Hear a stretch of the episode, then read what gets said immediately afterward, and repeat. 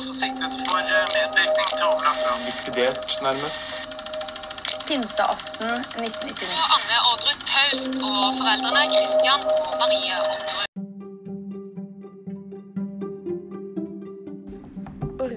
Orderud-saken er en av de mest omtalte drapssakene i Norge. Christian og Marie Orderud var et eldre ektepar som ble drept natt til 22. mai, pinseaften 1999, i sitt eget hjem, sammen med datteren Anne Orderud Paust. Tidligere i mai ble 1880 oppringt, eh, og de spurte om nummeret til Anne Orderud Paust. Politiet vet ikke hvem det var, men de sa at de skulle drepe henne i pinsa. Etterforskerne eh, fant ut at innbruddet skjedde på baksiden av huset. En verandadør ble knust. Christian Orderud, som var far i huset, han ble funnet knestående liggende over senga si. Han hadde skuddskader i brystet og i nakken. Det er antatt at han først ble skutt i brystet, så lagt over senga, deretter skutt i nakken som en avslutning. Marie Orderud, som var mor i huset, ble først skutt gjennom kroppen, men dette skuddet drepte henne ikke. Hun reiste seg mest sannsynlig opp og gikk til Christian og så at han var død. Hun gikk deretter videre, sannsynligvis mot utgangsdøra, og møtte gjerningspersonen eller gjerningspersonene, som skyter på henne og avslutter. De tror det er et nakkeskudd, men egentlig går skuddet tvers gjennom halsen hennes. Hun blør i hjel og lever mest sannsynligvis i flere timer enn ektemann og datteren. Anne Orderud Paust var datteren i huset. Hun ble funnet, funnet halvveis under kjøkkenbordet med sammentrukne bein og ansiktet ned.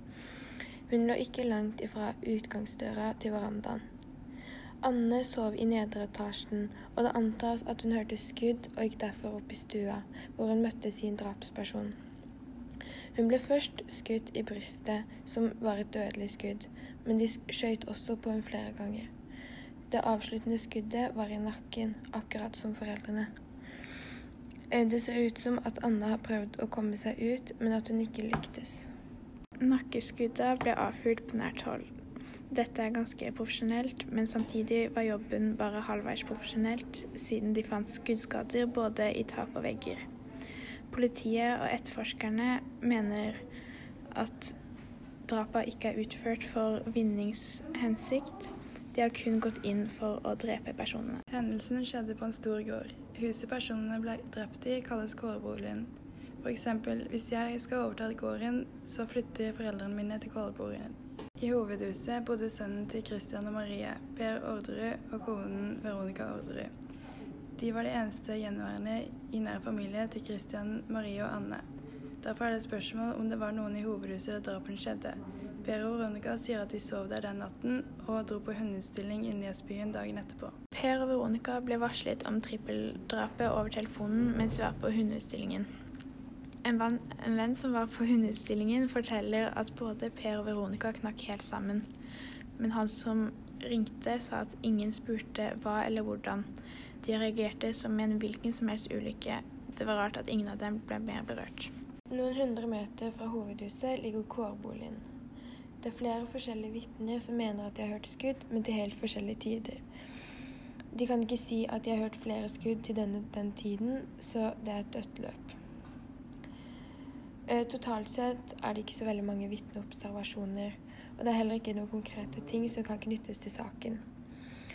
Det vil si at drapspersonene har kommet seg inn og ut av boligen og utført tre drap uten at noen har lagt merke til det. Bak kåreboligen ligger det en sti. I gåten Orderud, som er en serie på NRK, ble stien tråkket opp. Det er merkelig at politiet ikke har tenkt på det før, fordi det er blitt gjort en observasjon av en bil i boligfelt bak denne skogen. De tenkte at det ligger for langt unna til at det er aktuelt. I gåten Orderud gikk Øystein og en politietterforsker opp stien og kom frem til boligfeltet der bilen sto. På stien ble også den oransje sokken funnet av en hundepatrulje. Det er nå blitt en av norgeshistoriens mest kjente sokker. Det som er igjen av bevis nå, det er sokken, hylse fra pistolene, et, et, et fotavtrykk fra en damesko og noen prosjektiler. Ti dager etter drapene skjedde en uventet vending. 1.6.1999 kom en beskjed om en person som var blitt pågrepet for å skyte med hagle i Enebakk. Hun er identifisert som Kristin Kirkemo, halvsøsteren til Veronica Orderud. Etter dette har hun både blitt avhørt og siktet i Orderud-saken. Kristin bodde på Frogner i Oslo med sin daværende kjæreste Lars Grønnerød. På bakgrunn av hva hun gjorde i Enebakk, fikk politikammeret i Oslo muligheten til å ransake leiligheten deres. Leiligheten var rotete og uryddig. Det var åpenbart mennesker som ikke hadde struktur i hverdagen og i livet. Politiet fant bl.a. ting de kjenner igjen fra kriminelle miljøer, og antydning til bruk av narkotika. I henhold til Orderud-saken fant de politimagasin som var gjemt i en trekasse i et rom. De hadde mange skjulte rom i leiligheten, og kassa lå i et av de. De hadde også en hylle som var brukt som et gjemmested på en eller annen måte. Det ble også funnet en 22 kalibers pistol. Det her er åpenbart noe kriminelt. Både pistolen og ammunisjonen var interessant for politiet, så de tok det med inn for en DNA-test for å sjekke koblingen til Orderud-saken. Pistolen hadde ingen direkte tilknytning til Orderud-saken. Noen av hylserne som ble funnet på åstedet, ble ladet i pistolmagasinet som ble funnet i leiligheten. Det førte til pågripelse av Lars og Kristin. Kristin er beskrevet som en rastløs jente som slet med forskjellige ting. Hun ble informert om funnet på den 22 kalibers pistolen, og hun sier at hun ikke kjenner til den. Så informerer hun uoppfordret om at hun vet at Lars har hatt eller har en 38 kalibers revolver som han kalte for Lillegutt, og behandlet den som en kosebamse. Hun vet ikke at politiet allerede har fastslått at de to våpnene som ble brukt i Orderud-saken, var en 22 kalibers pistol og en 38 kalibers revolver. Lars ble konfrontert med disse påstandene og ble sint og sier at det er helt feil, og at harddisken på PC-en heter Lillegutt.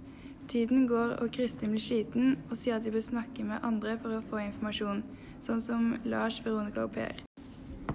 Lars hadde mye å si om Per og Veronica, bl.a. at Kristin styrer med to 22 kalibers pistoler til Per og Veronica og innrømmer at han har en 38 kalibers revolver. Per maste allerede i mars om å kjøpe den, og dermed ble Per mer mistenkt. Kristin og Lars kjøper to pistoler 22 kaliber. De sier at Per og Veronica har bedt om å få dem, men Per og Veronica sier seg uenige. Kristin sier hun gir våpenet til Veronica, og de tas frem senere på kvelden for at Lars skal vise Per og Veronica hvordan de fungerer. Kristin sier også at de diskuterer hvordan drapene skal utføres. Lars nekter for at drap ble diskutert, men han visste hvordan våpenet fungerte. Per og Veronica avviser Kristin og Lars' forklaring.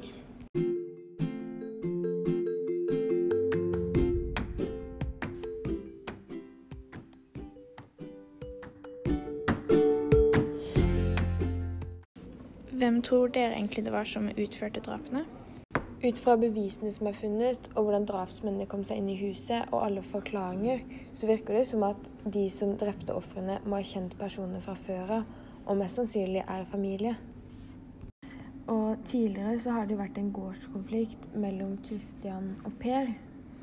Og dette tyder på at Per kanskje har noe med dette å gjøre. Og siden det har blitt funnet en dame damefotavtrykk der, så tyder dette på at Veronica kanskje har vært med å hjelpe Per.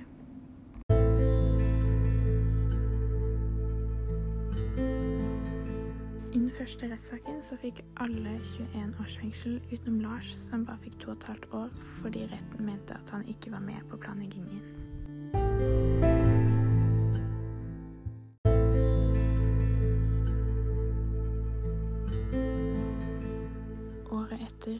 2002 ble alle dømt skyldige i medvirkning til overlagt drap. Per og Veronica fikk 21 års fengsel og fradømmes arveretten av gården. Lars fikk 18 år og Kristin 16 år. Lars og Kristin var mindre aktive roller i drapet og hjalp med å oppklare saken.